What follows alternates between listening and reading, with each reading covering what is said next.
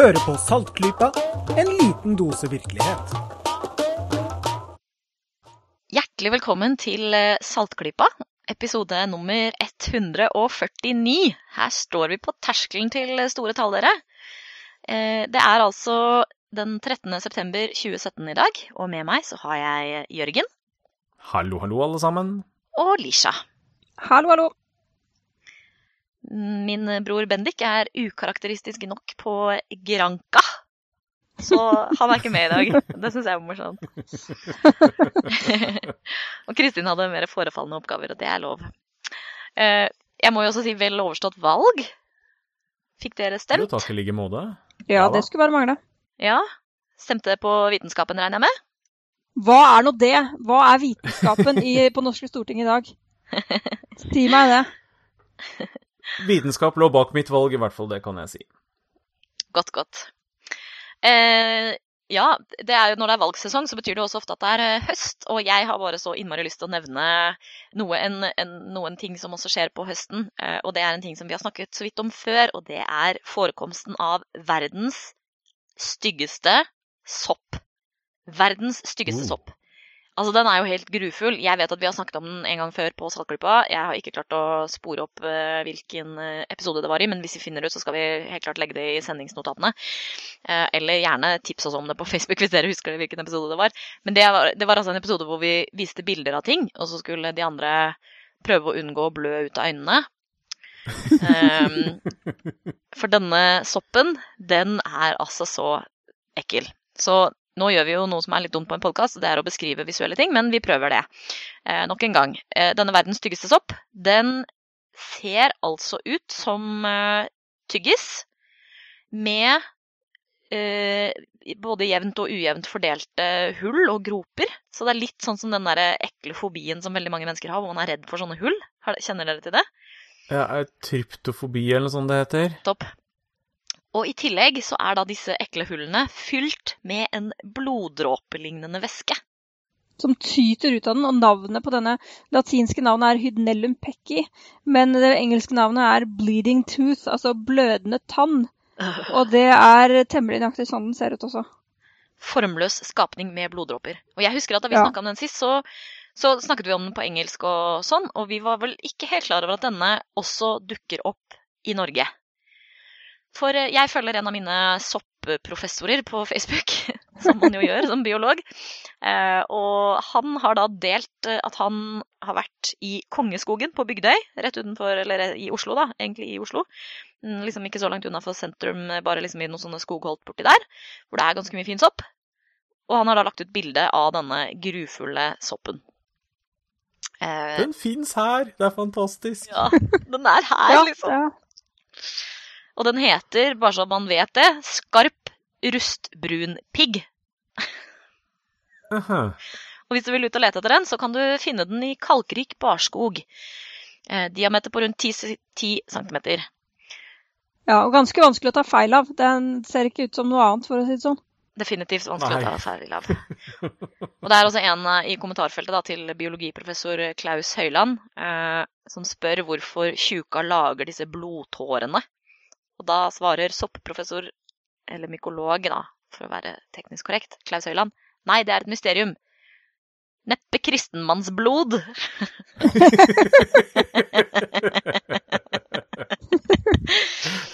ja. Jeg syns bare det var så hysterisk eh, at den faktisk fins rundt her, for den er bare så stygg. Så vær så snill å rapportere inn om eh, syninger dere har av denne, dette ekle, ekle vesenet. Eh, har vi sagt nok om den stygge soppen nå, syns dere? Ja, Ja, jeg tror det. egentlig. Ja, OK. Da kan vi snakke om en annen eh, styggedom som kanskje får skjerpa seg litt. Grann. Eh, og det er eh, vaksinemotstand. Eh, det har seg nemlig sånn eh, at Jørgen, du har lest noe om vaksiner nylig? Ja, bare en liten sak jeg kom over. Det er jo en del steder i verden som sliter med god vaksinedekning. Ikke fordi man ikke har nok vaksiner, men fordi folk nekter å ta dem. Eh, Derav da vaksinemotstandstingen. Et av stedene hvor eh, det er et problem, er i California. Og det er også et av stedene hvor de har prøvd å sette i gang noen litt sånn mer tvangslignende tiltak for å få folk til å vaksinere seg mer.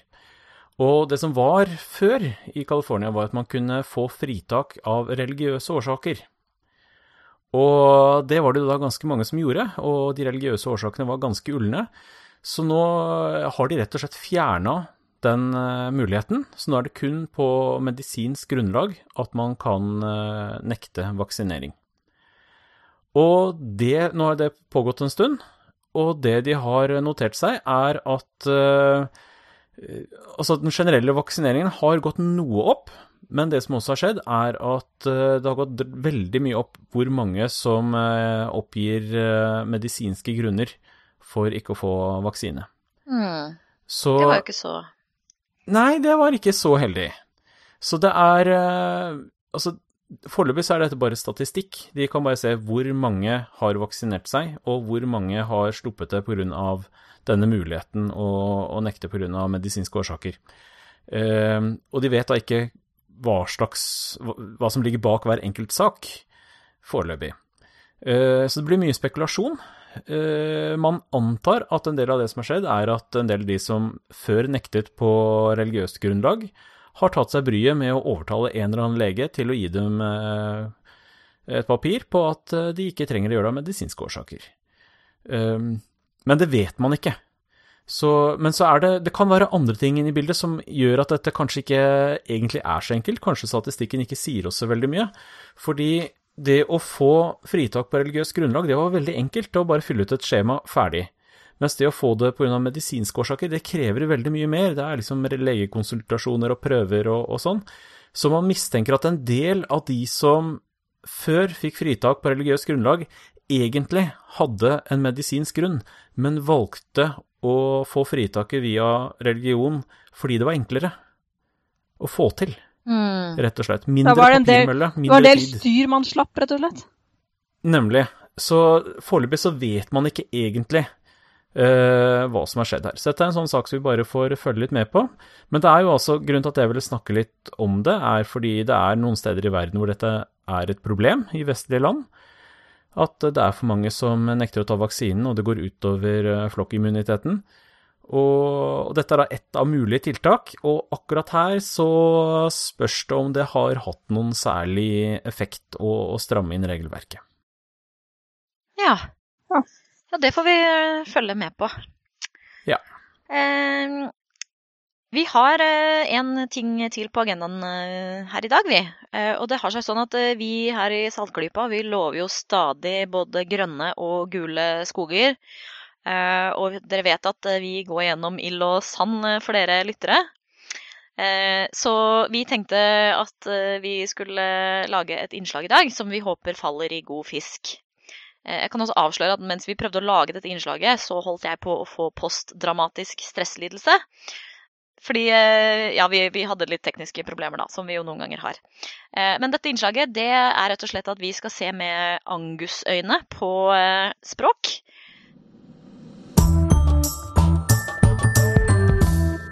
I dag har vi fått besøk av krumtappen eh, Georg Kjøll. Han er den smarteste personen i skuffen, så nå håper vi at dere har luttert eh, øre, og at dere legger inn ørene, for her skal det kastes glans i øynene på folk.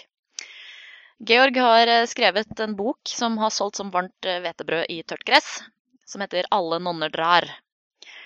Og vi tenkte egentlig å begynne med å spørre deg litt, Georg. Hvor kommer denne boka fra? Hvorfor har du skrevet en bok om nonner som reiser sin vei? Eh, ja, det er, det er jeg faktisk litt usikker på selv, hvordan jeg havna i den situasjonen her. Eh, jeg er egentlig ikke sånn eh, veldig Jeg er egentlig ikke sånn veldig faglig opptatt av disse tingene, sånn i utgangspunktet. Eh, jeg, har, eh, jeg er utdanna språkbryter og har en doktorgrad om, om språk og kommunikasjon, men mer sånn fra sånn psykologi, psykologiperspektiv, psykologi- og filosofiperspektiv. Hvordan fungerer kommunikasjon? hva hva er det som skjer i hodene til folk når de, når de snakker med hverandre. Um, og så har jeg jobba med litt ulike prosjekter de siste årene. Jobba eh, litt, med, ja, litt, litt med forskning på, eh, på kommunikasjon, og da liksom over i misforståelser. Så jeg har skrevet litt artikler om ironi og eh, hva som gjør at det er vanskelig for folk å, å forstå. Og så eh, har jeg parallelt eh, jeg har hatt noen prosjekter som har liksom vært tunge og vanskelig å gjennomføre. Så jeg har hatt et et skriveprosjekt uh, som jeg har fått litt støtte til, og som jeg burde fullføre snart, om kunstig intelligens. Men når det har lugga litt, så har jeg jobbet med dette her ved siden av. Og, og, prosjektet har vært faste uttrykk og misforståelser av faste uttrykk, som har vært en sånn en hobby for meg. Å samle på, samle på feil folk gjør, eller si, ikke-etablerte varianter av faste uttrykk som folk, eh, som folk bruker. Um, og utgangspunktet var, eh, var en greie som, eh, som daværende kjæreste, nåværende kone, hadde.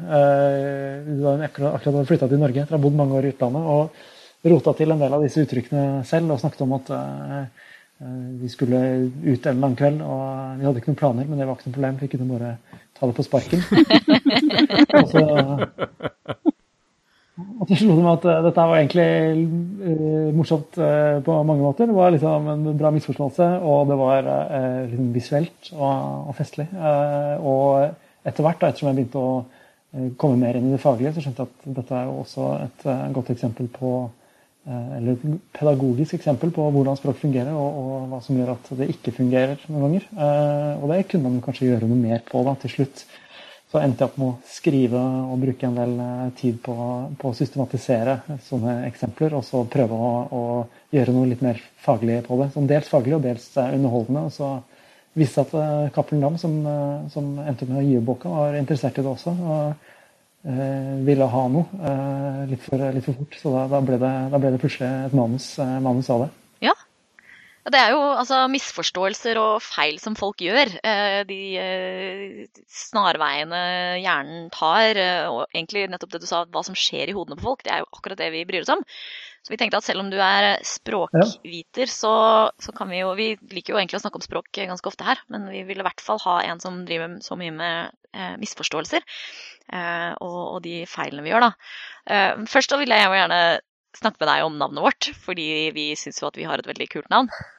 Eh, ja. Og jeg tror du vet hvor det kommer fra, gjør du ikke det? Sånn cirka? Ja, sånn halvveis. Sånn halvveis. Det er jo eh, Hva skal man si? Det er jo eh, er vel noe sånt som eh, For de som har brydd seg om å telle, så, så er det noe sånn opptil 20 000 faste uttrykk på norsk. Eh, oh, hei. Og ja, Det er noen vanvittige mengder. altså, og Man, bruker, man kan bruke flere titalls av de i løpet av en dag uten å egentlig legge merke til det. Um, så jeg har ikke alle betydningene i, i hodet. Og jeg har en del huskelapper og og sånn som jeg, som jeg, benytter meg av. Så det kan godt være at jeg skal prøve å fiske fram en av de for å forklare, forklare hva, hva, en klype salt egentlig kommer av. Men uh, dere har vel prata om det før, dere også? har dere ikke? Jo, vi har det. Uh, og det som vi syns er morsomt, er jo at det også kommer av en misforståelse. Eller vi ofte bruker det med en misforståelse, da som vi snakket om i en tidligere episode, så, så, er det jo ikke det å ta Eller vi sier jo noen ganger, hvis det er noe veldig alternativt eller noe som vi må være kritiske til, at uh, vi må ta det med en stor klype salt. Men det er jo egentlig helt uh, bakvendtland, fordi det er vel noe sånt at man egentlig skulle gi det like mye vekt som et lite korn salt eller en liten klype salt, hvis det var noe som var, uh, var dårlig. Ja, det er vel det det, er vel det, det opprinnelig kommer av. Men uh, jeg må innrømme at det, dette, er ikke, liksom, dette er ikke noe jeg Og det er jo en generell greie med disse uttrykkene at uh, for meg så er det sånn Jeg behersker en del av de, og jeg vet hvor noen kommer fra, og, og sånn, men det, det, er litt, det er litt sånn utforskning for meg også når jeg kommer over disse uttrykkene og hører, hører folk rote til noe, om det er, om det er dette titteluttrykket, altså 'alle mennene drar', eller om det er 'skyte spurv med kaniner', eller om det er eh, slutten på kransekaka eller sånne type ting, så er det litt sånn, det er litt sånn oppdagelsesreise for meg også å prøve å finne ut av ja, men hva, er disse, hva er disse greiene, og hvem, eh, hvem var det som, var det som eh, ble tapt bak en vogn først, og hvem var det som malte seg inn i hjørne først. Eh, så Som ofte så sitter jeg med disse, jeg med disse uh, kildene mine og prøver å, prøver å grave i det og er like like forundret da, som andre, andre språkbrukere. Uh, og klypesalt er et sånt eksempel. Uh, når jeg prøvde å liksom sette, meg, sette, meg, inn i det, så, så, er det heldigvis smartere folk enn meg, eller i hvert fall folk som har uh, brukt mer energi uh, på, på språkhistorie enn meg, som, som i tillegg til å være smarte, selvfølgelig, har, har, gravd opp dette her. Da. Og en kilde som jeg bruker mye, er en språkforsker som har gitt ut flere bøker om, om faste uttrykk, som heter Kjell Ivar Vannebo. Og han skriver om dette her, da, at det går tilbake til den romerske forfatteren Plinius den eldre. Eh, som bruker det i sitt store naturvitenskapelige verk eh, 'Historia naturalis'. Eh, og snakker om eh, adito grano salis med tilsetning av et saltkorn. Så ja, så har de jo tatt en reise da, fra, fra, fra denne opprinnelsen og til, til, det det betyr i, i dag. som er litt noe å se på noe med skepsis eller med, med, med kritisk sans. Men jeg syns det er et interessant eksempel og bra liksom, fast uttrykk. fordi Eh, det viser, eh, viser, noe av egenskapen som en del, en del av disse faste uttrykkene har. At de, de er uh, nettopp faste. Da. At de er liksom forsteinede. De, de, er ikke mulig å manipulere på samme måte som andre deler av språket. Altså, alle setningene vi sier, alle ordene vi sier, vi kan vi bøye i ulike former og, og varianter og, og, leke med og sånn. Men med en gang vi er inne i territoriet faste uttrykk, så er det litt vanskeligere. Da. Uh, så det å snakke om ta det med et stort klype salt er litt sånn Ja, det er kanskje, kanskje en sånn variant som er i ferd med å etablere seg, men, så dermed er det lov, på en måte. Men det er vanskeligere å snakke om noe som Eller altså snakke om å se lys av den store, mørke tunnelen, eller eh, eh, toppen av den flotte kransekaka. eller Med en gang man begynner å liksom manipulere disse uttrykkene litt, så høres det feil ut. Da. Og det, det, er en sånn rar egenskap eh, som er eh, som er eh, spesiell for, for faste uttrykk. Eh, og så også da med klype, en klype salt. Men det er jo litt pussig, for det er jo eh, Noen ganger så er det jo egentlig ikke altså Selv om man sier det feil, og sånn, så høres det jo ikke så pussig ut. Nei, det er sant, det. det, er, det er, men, men, du må liksom være litt sånn Du må ha hørt det ganske mange ganger før du skjønner at dette her var feil. ikke sant? Sånn der, det skarpeste egget i skuffen, eller eh, å ja. dra alle under samme kam, eller ja. Det er, det er, litt sånn subtile, subtile ting, som, subtile småfeil som folk gjør, som man ofte slipper unna med. Da. Eh, men, eh, men, eh, det er også noe med at bare små, små forandringer i disse uttrykkene gjør at de, de, de blir liksom helt, helt annerledes. Var og diskuterte et uttrykk nå som heter å sette tæring etter næring. Eh, som handler om det å, å, eh, ikke bruke mer enn det på en måte har ressurser til. Eh, og det kan man se når man analyserer uttrykket at tæring er å bruke noe. som man snakker om tæring som ja, noe å tære på, f.eks. Eller tæring er også et gammelt synonym for, for Altså det ble jo brukt om en rekke ulike sykdommer hvor kroppen falt sammen. Tuberkulose har vel også vært kalt det, er ikke det? Ja, det, var vel, det, det var vel den mest, altså den mest utbredte av de sykdommene som ble, som ble kalt for tæringssykdommer. Og du fikk vel også da navnet tæring etter hvert. Uh, så, så, vi kjenner det ordet, og vi vet hva næring betyr. Vi har det i næringsliv, og vi sier at det er viktig å få tatt i seg næring og sånn. men allikevel så er det utrolig fort gjort å snakke om det uttrykket som å sette, sette næring etter tæring. så man bytter om, på, bytter om på de ulike enhetene. Og da ender man jo opp med helt motsatt mening.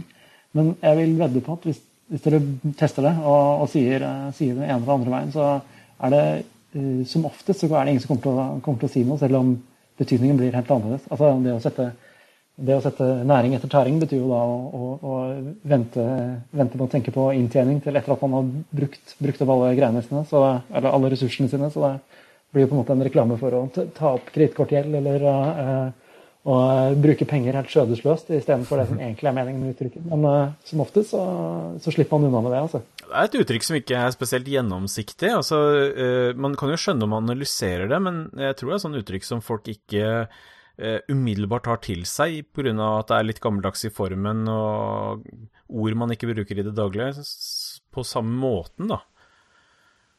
Ja, ja det er helt, helt sant. det. Den, den Eh, og nettopp det ordet, altså den betegnelsen for det, altså gjennomsiktighet, er det som er eh, mye av nøkkelen til å, til å karakterisere hva, hva, som er spesielt med faste uttrykk.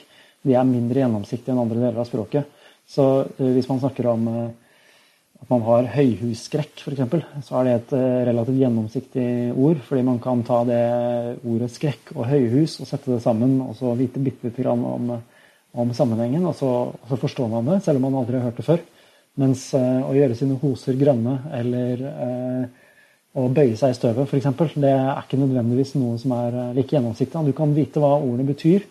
Um, men, eh, det, hjelper deg ikke spesielt mye på vei. Du kan vite hva både ugler og mose er, men eh, ugler i mosen, at det betyr at noe er, det er fare på ferde, da skal du enten kjenne uttrykket fra før, eller så skal du vite veldig mye om eh, historien til uttrykket, eller eh, om dansk jyllandsdialekt på 1600-tallet, eller hvor nå enn det kommer fra. Eh, og det er litt mye, litt mye å kreve av folk. Du er jo eh, Jeg syns det er litt morsomt eh, du er borti en del eh, sånn klassiske skeptikertemaer da, i boka. Nesten tilfeldig. Så for eksempel uttrykket 'å drite på dragen'. Her har du jo med noen bemerkninger om masse forskjellige mytologiske vesener, og liksom hvor de kommer fra, og Eller disse ordene, da. Um, ja. Og ja. Ikke minst så nevner du også kryptozoologien, og nevner også uh, Selma, seljordsormen. Eh, ja, det er ganske morsomt. Er du liksom eh, Hvor kommer denne interessen fra? Altså, eh, det er litt sånn man si, eh, å, Fordi nettopp fast uttrykk og, og språkhistorie ikke er mitt opprinnelige forskningsfelt, og det som var interessen det som var, det som var den opprinnelige interessen for prosjektet, så, eh, så eh, har jeg endt opp med en bok og med et prosjekt eh, og med en type fagformidling som, som mer bruker dette som, sånn, disse faste uttrykkene mer som sånn narrativt grep. Så det, det, jeg har lyst til å gjøre, er å ta disse uttrykkene og så fortelle en historie på bakgrunn av det. Og noen ganger så er historien rent kontrafaktisk, så jeg prøver å se for meg hva, hva er det som foregår i de situasjonene hvor man skyter spurv med kaniner og ikke med kanoner? Eller ja, er det hvis man snakker om å dolke seg, dolke seg i ryggen, altså hva slags anatomi ville man ha? og hva slags dolker er det man driver og håndterer? Um, og så er det en, en, bit som, en, bit som, er fag, ren fagformidling. Men jeg tenker at ja, det er interessant å fortelle noe om hva, hva liksom kroppen har å si for, for uh, for kommunikasjonen vår, hvordan vi bruker den, hvordan den har liksom gitt opphav til ordforråd, og, uh, og en del sånn mer sånn spesifikke faglige spørsmål som går på det teoretiske, da, som jeg er interessert i. Hvordan kommunikasjon fungerer, og hva kontekst har å si for, uh, for forståelse og sånne ting. Og så er det en siste del som jeg, som jeg er blitt mer interessert i ettersom jeg jobbet med det, og som pirker litt borti andre andre felt jeg har uh, leflet med opp igjennom. Og det, det er mer de liksom, kulturhistoriske tingene. Um, eller rett og slett liksom, artige fenomener som, som har med uttrykkene å gjøre. Enten fordi det er en direkte forbindelse, så man kan fortelle, si noe om på en måte skikkene i middelalderen som gjorde at man ga hverandre altså Hva hadde grønnfargen å si for, for Eh, for, eh, for, denne skikken med å gi hverandre strømper. Eh, eller å gå i grønne strømper og signalisere at man var interessert i å var på frierfot.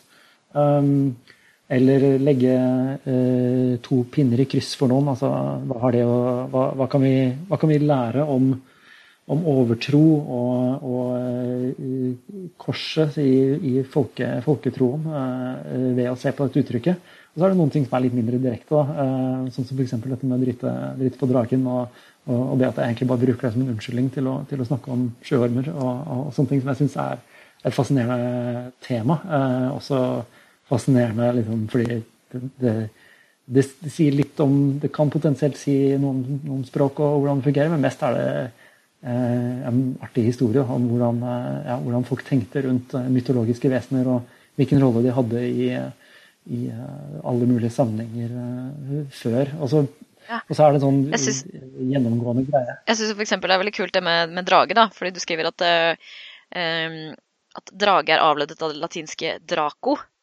Mm. Som var avledet av et verb som betød å se noe klart. Det er ganske fantastisk. Ja. Eh, det er jo liksom ikke Ja. det man tenker på altså, som mytologiske vesener. At det handler egentlig om å eh, Det er noe som er tydelig for deg, da. Eh, ja, Ja. men jeg mm. Men det er også ganske bra. Altså, det er jo så fint også med Drite på dragen, fordi det, det gir jo liksom en mening. Eh, altså, Å drite på draget er nå én ting, men det å drite på dragen da, da har du virkelig gjort det, som du sier. Det er liksom eh, En som har forsøkt å drite på dragen, er nok ikke i live lenger. Og sånn sett så kan jo uttrykket fungere som noen som virkelig har gjort et alvorlig feilgrep.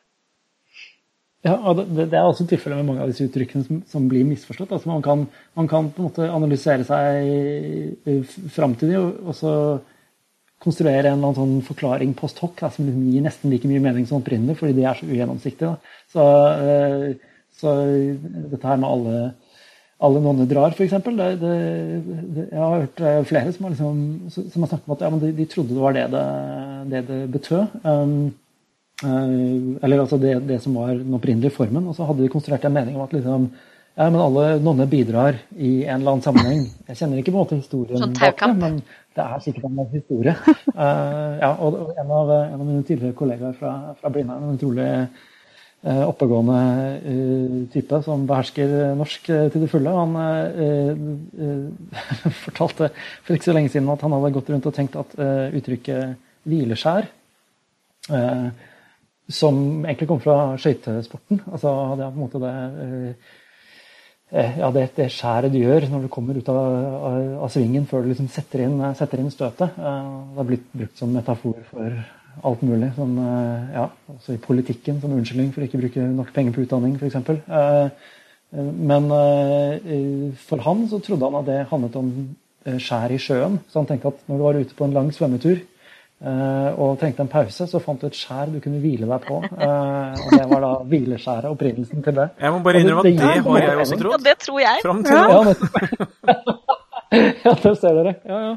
ja der, uh, Oppklaring av nå ble jeg myter. nesten eh, litt usikker på om jeg har den ja, på om jeg har den riktige forklaringen. Men, men eh, Men det der med hvileskjær, det Det var en skjer- veldig rimelig forklaring. At det var et skjær du hviler deg på. mm, Men nettopp det betyr kanskje at man skal tenke seg litt om.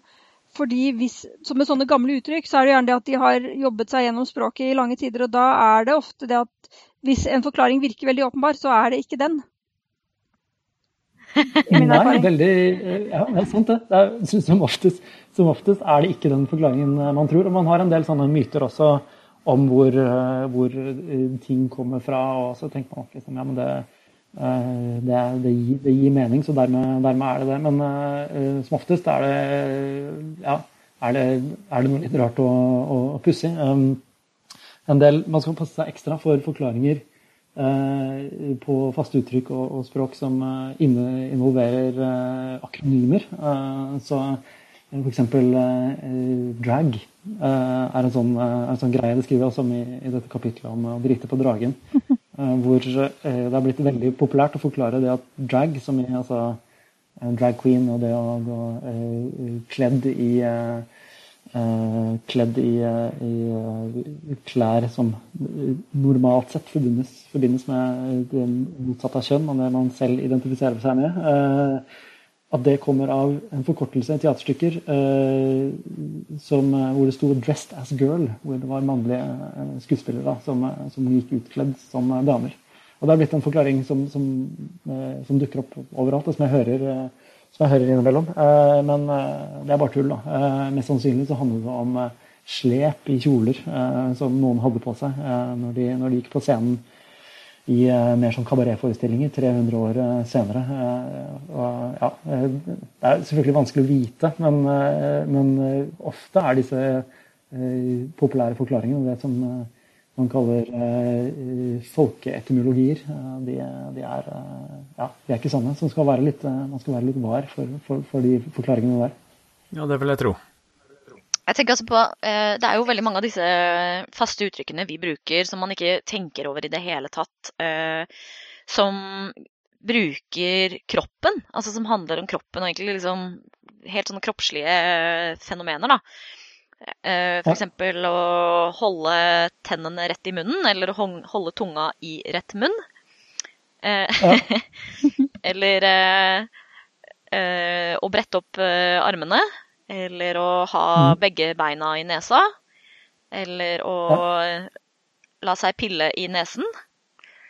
Eh, gi noen en kald eh, skulder. Ja, det var jo faktisk et korrekt uttrykk, da. Men eh, hvorfor tror du det er så mange, som, eh, mange av disse uttrykkene som går i kroppen? Har du noen tanke om det? Ja, altså det som, er, det som er hypotesen For, det, for det, er, altså, det, er, et utrolig antall uttrykk. Ikke bare liksom misforståtte uttrykk, men, eh, men eh, ja, hva skal man si, etablerte eh, varianter av de som, som, bruker kroppen som utgangspunkt. Eh, det, det, handler om at språklige nyvinninger og språklig kommunikasjon generelt er litt avhengig av at man har en eller annen form for fellesskap. Så eh, hvis du skal bruke et nytt ord eller eh, beskrive noe nytt, eh, et nytt fenomen, eller komme med et bilde, eller være litt kreativ, så, så, så, trenger man å trekke på et eller annet som, som, andre kan forstå umiddelbart. Det er veldig kjedelig i en samtale å måtte liksom definere ordene, ordene, man bruker. Særlig hvis man skal være litt sånn artig og kreativ. og så da stoppe på å si at liksom, og Det jeg egentlig mener med en kald skulder, det er at jeg er litt sur på deg nå. skjønner du, og da Kald er jo et bilde på ja. Så da bruker man sånne, da går man til sånne eh, Tar man utgangspunkt i et kjent eh, topos eh, som kan være temperatur, f.eks. Altså kulde forbinder vi med, med, en rekke negative ting. og det å bruke kroppen som, som bilde er liksom noe alle kan kjenne igjen. man kan liksom formelig liksom bruke, bruke, kjenne det fysisk på seg eh, når man snakker om eh, når man snakker om eh, holde tunga rett i munnen, eh, f.eks. For eh, fordi man kan kjenne igjen denne prosessen og konsentrere seg veldig og, og liksom spenne kjeven. og Man har kanskje sett små barn som liksom prøver å tegne innenfor noen linjer og fargelegge, og så, eh, og så har de tungen sånn halvveis ut av, ut av munnen mens de gjør det. så det er ikke så rart at kroppen, som vi alle har felles, er et, er et sånt utgangspunkt. Veldig mange av de andre kildene er jo også, er jo også ting vi kan kjenne igjen som store sånn overordnede kulturelle referanser. Altså Veldig mange av uttrykkene som har overlevd lenge på norsk, kommer fra sjøfarten f.eks. Eller fra, fra bondeyrket. Eller fra religiøse tekster. Så, så, det, er ikke tilfeldig, det er ikke tilfeldig at det er noen sånne store fellesnevnere som, som, gir opphav til uttrykk. Nå De siste 50 årene så, så, så er det sporten som har gitt opphav til flest, fleste av de uttrykkene vi bruker i dag. Og det er jo selvfølgelig heller ikke noe, noe rart, all den tid TV-en har kommet inn og folk har begynt å bruke helgene på å sitte og se på uh, folk som bøyer seg i hatten i, i OL. Og ja, og så tenk, Vi satt jo her og trodde at hvileskjær hadde noe med sjø å gjøre, og så har det egentlig med sport å gjøre. Ai, ai, ai. Ja, ikke sant? Men uh, du skriver jo også om uh, kroppen og dette her med liksom den ikke-verbale kommunikasjonen. og der har vi jo en litt annen myte da, som du tar for deg, egentlig. Og det er jo dette med at mye er det, 95% av all kommunikasjon er ikke-verbal. Kanskje du kan si litt ja. mer om det? Ja, den myten er jo fascinerende, fordi den er, veldig sånn, den er overalt. Man hører den hele tiden. Um, og eh, den har så mange variasjoner, så du kan høre noen si at ja, kroppsspråk er 70 av kommunikasjon. Og så kan i neste, neste vending noen overby den igjen og si at nei, nei, det er 80 av kommunikasjon, og så er det 90% og så er det 97 Litt avhengig av hvilken, hvilket rammeverk du prøver å selge inn. For det er som oftest, det er som oftest ja, folk som driver som coacher eller har et eller annet opplegg da, hvor de skal lære folk å, å bruke, bruke ikke-verbal kommunikasjon på en mer konstruktiv måte. Men fra et språkvitenskapelig perspektiv så gir ingen av de påstandene noe mening i det hele tatt. Det går ikke an å snakke om Man kan redusere eh, kommunikasjon til én verbal del og én non-verbal del. Eh, altså, man har skrift, på en måte, eh, men i, i, muntlig kommunikasjon så, så, er disse uløselig knyttet sammen. Og ja, det, det å si at en setning eller et utsagn er 100 verbalt og, og 0% kroppsspråk, eller 97% kroppsspråk og 3% verbalt, det, det, er, det, det er umulig. Fordi disse, disse tingene disse, altså Kommunikativ mening oppstår som, som, et resultat av veldig mange ting, da, ikke bare ikke bare ord eller kropp, men også alt som er utenfor oss. Sammenhenger, forhistorie, det vi vet om hverandre, osv. osv. Mm. Og apropos, eh, apropos ord, holdt jeg på å si. Eh, jeg likte også veldig godt et avsnitt du har om eh, det, om grandilokvismer. Ja. Eh, hva er en grandilokvisme? grandilokvisme er, er et uh, et ord som har en altfor altså det er, det er, å bruke en altfor fin betegnelse for noe som egentlig er ganske kjedelig. Så grandiloquisme er da et eksempel på en grandiloquisme. Du trenger ikke liksom ha et så fint ord for å beskrive dette her. Um, men det, det, handler om er, det handler om er rett og slett det å bruke liksom fancy betegnelser på noe som er ganske, ganske rett fram. Altså en, av, en av eksemplene jeg bruker, er en sånn, en sånn en greie jeg har irritert meg over lenge, eh, og som stadig vekk dukker opp eh, når man hører om kroppsspråk og viktigheten av å drive og ha liksom god holdning når man prater med folk og, og sånn, og det er sånn nevrolingvistisk programmering. Uh, NLP, som dere sikkert har vært borti i ulike sammenhenger før, det er et eksempel på termen er et eksempel på en grandilokvisme, fordi nevrolingvistisk programmering er bare en fancy måte å si at liksom, du, skal, du skal prøve å skjerpe deg på. Um, uh, mens, uh, mens, selve praksisen, sånn som uh, det jeg har sett at den handler mer om liksom, veldig enkle psykologiske mekanismer for å, for å, lese andre, for å fungere i en kommunikativ sammenheng. og det den der biten med, som, som, mange NLP-folk snakker om, om, om, at man skal liksom, forstå kroppsspråket sitt og, og å kommunisere, kommunisere, ved hjelp av de og de mekanismene eh, som er nonverbale, det, det, er bare noe greier å hekte det på. Altså det, er, det, har noe, det, har ikke noe, språkvitenskapelig, så gir ikke de påstandene noe mening. Så det er eh, varm luft, som, eh, som amerikanerne sier. Hvorfor sier ikke vi varm luft? Nei da. Ja, du burde begynne å si det. Jeg synes det er kjempebra. Jeg vil bare også lese noen andre termer du bruker når du beskriver grandilokvismer, for det er jo veldig morsomt. Så du skriver at uh, selve ordet grandilokvisme, det er et eksempel på autologi, eller et autologisk ja. ord. Altså noe som selv mm. innehar den egenskapen det beskriver. Det sa du allerede. Ja. Og så er det også dette her. Uh, et annet eksempel på det samme autologifenomenet er ordet seskvipedaliansk, som betegner ord med mange stavelser.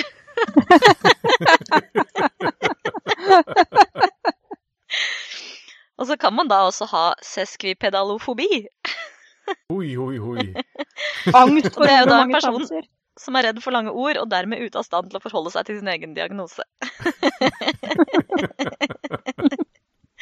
det, ble, det, ble, en del sånn lange kvelder på biblioteket når jeg skrev de greiene her, så jeg trengte noen måter å underholde meg selv på også. Uh, så så ja, det, det, er på en måte et sidespor oppi det. Men eh, ja, jeg syns, NLP er et morsomt, morsomt, eksempel på, på dette. her. Jeg syns det er litt artig at, at, eh, en del av disse språkvitenskapelige betegnelsene som folk har lagd for disse tingene, også blir sånne autologiske. Eh, og så er det noen ganger de, de bommer litt og ikke klarer å ikke klarer å, å helt skjønne rekkevidden av sine egne betegnelser, disse språkviterne. Så f.eks. Um, Eh, teleskopord, som jeg også skriver om et annet sted i boken, eh, er ord som er eh, satt sammen av to ulike, to andre ord, og så er de på en måte trukket sammen. Så man snakker om breakfast og lunsj som brunch. Det du gjør da, er at du setter de to sammen, og så kutter du midten. Men selvfølgelig teleskopord. Det burde jo hett teleskor, hvis de skulle liksom fulgt sin egen vink. En time til invitasjon nå. Ja, jeg, jeg syns jo Jeg ble jo også litt sjarmert fordi du bruker ramser opp et par flere sånne grandilokvismer, og jeg bare De er jo liksom relevant til våre interesser, da. Så um, auratransformasjon, Bounscheit-metode, biofeedback, elmedistrolterapi, kraniosakralterapi, polaritetsterapi, dette er jo altså disse ordene som du alle vel har hentet fra eh, NIFAB, altså den norske informasjonssiden for alternative behandlingsformer. Det er jo ganske klassiske eksempler på ord som eh, lover mer enn de kan holde, for å si det sånn. Ja, i hvert fall hvis man tror på vitenskapelig metode eh, og tenker at det er liksom benchmark, så, så, så, så kunne disse tingene hett hva som helst, og det hadde vært omtrent like beskrivende. Så ja, der, eh, sånn sett fungerer du som et eksempel på det. Apropos vitenskapelig metode, så du er jo språkviter. Eh, og språkvitenskapen, jeg har jo bare lyst til å være litt sånn rabulist. Kom igjen, da. Det er ikke vitenskap, det, vet du. Det er mer vitenskap enn litteraturvitenskap. Alltid noen lenger ute man kan peke på. Ja, det det. Jeg hadde en samtale med noen som, som skulle forklare til en engelsk Eller samtale uh, hvor det var noen som skulle forklare til en uh, engelskspråklig person hva de studerte. Hun studerte uh, litteraturvitenskap da, og oversatte det direkte til literary science.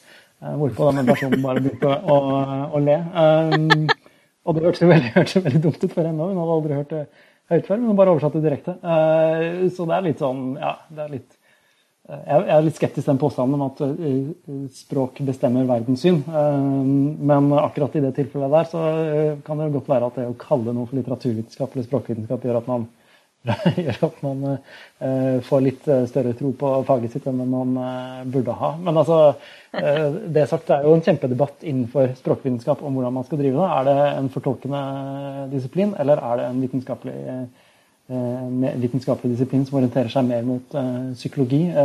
det stedet jeg tok mastergraden min på, University College i London, de hadde en sånn debatt eh, gående hele veien mens jeg, mens jeg var der. Um, og eh, hvorvidt da lingvistikk, som, som, jeg, som, var det programmet jeg var på, om de skulle eh, være en del knyttet seg mot, mot de fortolkende, fortolkende disiplinene, som f.eks. litteraturvitenskap, da, eller om de skulle være en del av psykologi og nevrovitenskap. Og de endte opp på, på psykologi og nevrovitenskap. Uh, og uh, det var, det var liksom flertall for det uh, der på instituttet, men til slutt så altså, Det hadde mye med hvilke fagtradisjoner som var representert der å gjøre, og hvilke perspektiv de tok. De, veldig mange av de tilhørte denne tradisjonen etter Eller var inspirert av, eller hadde fag som, som uh, arvet ting fra, fra Chomsky. Uh, og han, uh, han, er jo ja, berømt da, for å hevde at altså, språkvitenskap, det, det, det egentlig er, er jo en studie av, studie av si, kognitive prosesser. Um, så den måten å bedrive språkvitenskap på vil jeg si er vitenskapelig i den grad psykologi er vitenskapelig. Men så kan man selvfølgelig diskutere det òg. Mm. Mm. Det er jo interessant. Ja, altså jeg, tror, altså veldig, jeg, tror, det ville vært umulig å få det til i, eh, i eh, de, fleste, de, fleste, instituttene i, i, Norge. Så tror jeg det ville vært umulig å legge lingvistikk til, eh, til psykologi. Men er, altså, du har jo psykolingvistikk, som er et kjempesterkt miljø i Oslo bl.a. De orienterer seg jo Altså, de bruker jo de bruker jo metoder fra psykologi og fra, fra andre felt for å studere, for å studere hva skal man si, språkvansker. Og hva som skjer med, med slagpasienter f.eks. Og, og det er jo ikke mulig egentlig å skille fra, skille fra psykologien, og de jobber tett med nevrovitenskapen og sånn. Så, uh, så har du andre som heller ville uh, blitt uh, ja, blitt sparket fra universitetet og, ja, og sett at hele faget blitt lagt i grus, eh, heller enn å, blitt orientert da, mot, eh, mot, den delen av, den delen av uh, ja, altså de fakultetene der. Uh, og det er de som forholder seg mer til, til uh, språkvitenskap som, som noe fortolkende, og som tenker på det mer som ja, i en sånn klassisk humanistisk tradisjon. Men det, der, er det, der er det steile fronter, altså. Det er ikke Ja, vær, vær forsiktig med å gå inn i diskusjoner med en lingvist før du vet om de er en chomskyaner eller ikke. Det er eh, mitt, eh, mitt råd oppgaver. ja, det skal ikke være lett. Nei, det er det virkelig ikke. Eh, nei. Du får kanskje helle litt saltvann i blodet på de. Ja, du får gjøre det. Nå er det på tide å stikke kjeppene i det femte hjulet på vogna. Eller å stikke mellom to stoler. Eller kanskje å svelge den sure kamelen og innse at, eh, at eh, vi har brukt nok av din eh, tid for i dag. Før vi tråkker helt i grøten her. Så vi er deg en stor takt skyldig for at du tok oss med til den syvende himmel og helvete. Og at vi fikk være på bærspor med deg. Nå holder det, syns jeg. Det var jo ingen, det var ingen vits å kjøpe boka mi, nå har jo tatt alle uttrykkene. Det,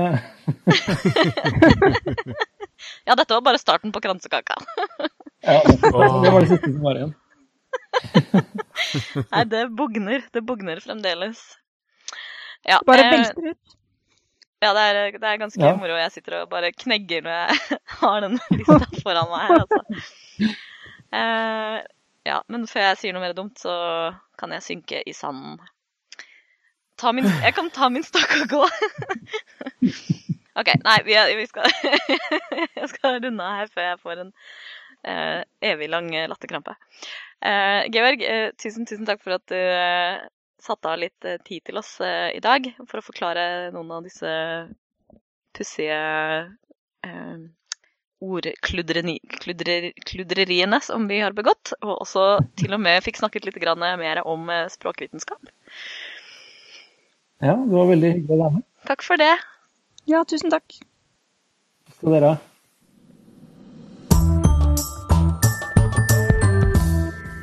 Ja, der fikk vi sannelig eh, skilt eh, skitt fra kameler og smør og barter. Eh, jeg tenker at vi må jo nesten eh, anbefale et par språkrelaterte bøker. Ikke minst må vi anbefale boka til eh, Georg, da. Georg Kjøll. Eh, 'Alle nonner drar', som, er med undertittel 'Språk på ville veier', som er utgitt hos Cappelen Dam. Eh, Jeg kan jo også nevne den boka som han henviser til i, når vi snakker med han, og det er Kjell Ivar Vannebo sin bok 'Katta i sekken'. Og eh, så kan vi også nevne han eh, Jan de Capronas eh, etymologiske ordbok. Den er jo også ganske, ganske vidunderlig verk. Og så vet jeg, sånn helt tilfeldigvis, at eh, jeg tror at det er noen som jobber med en etymologisk ordbok om banning. Det venter jeg spent på. Eh, Lisha, du har også en anbefaling? Ja, nå har vi snakket så mye om språk. Da kan vi styre litt tilbake til vitenskap, som er en av våre fine ting. Og det var jo litt uenighet da, om eh, språkvitenskap virkelig var vitenskap. Eh, Men jeg, anbefaler en liten podkast, bokstavelig talt liten, på flere måter. Den heter eh, The Show About Science.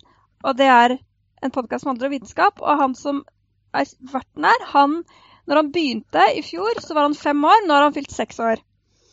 Så han er en liten podkaster. Podkasten også er ganske liten. Det varer gjerne type sånn ti minutter hver episode. Eh, men han har en eh, engasjert eh, far som hjelper han med å få tak i utrolig kule gjester. Sist nå så snakket de om havskilpadder. Så det var veldig interessant. Og han har laget noe sånt som Det er over 30 episoder. Så han driver virkelig på. Han har laget episoder ute, og han har vært og besøkt en radiostasjon, tror jeg det var, og litt forskjellig. Og den er kjempesøt, og han er kjempeengasjert. Og han stiller sånne spørsmål som voksne folk ikke ville stilt når de intervjuet eh, eksperter på f.eks. Eh, alligatorer. Hva gjør alligatoren hvis ungene deres får vondt i hodet? det hadde ikke alligatoreksperten tenkt på.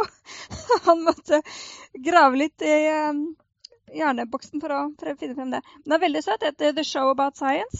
Sikkert bare å søke opp på Podbay eller eh, Soundcloud eller hvor er du hører på, hører på podkaster. Og som sagt, eh, gjerne bare en ti minutter per episode, så det går for å høre på. Og lille Nate, han er veldig søt og veldig engasjert. Så den podkasten vil jeg anbefale. Oi, oi, oi. Kan jeg høre på mer podkaster enn jeg allerede gjør? Eh, jeg begynner å føle meg som en eh, sadomaskinist, sånn som jeg holder på. Jeg tenker at vi med det setter spissen på prikken, jeg, ja, og sier takk for i dag. Det er på høy tid. Ja. ha det bra. Ha det så bra. Ha det bra. Saltklypa lages av Kristin Lisha, Jørgen og Bendik. Har du spørsmål, anbefalinger, ris eller ros, send det til post at saltklypa.no, eller finn oss på Facebook, Lenker til alt vi har snakket om i episoden finner du på saltklypa.no, hvor du også kan abonnere på podkasten for å få hver episode levert på døra helt gratis. Takk til Smart 9000 fra Evig poesi som har laget kjenningsmelodien.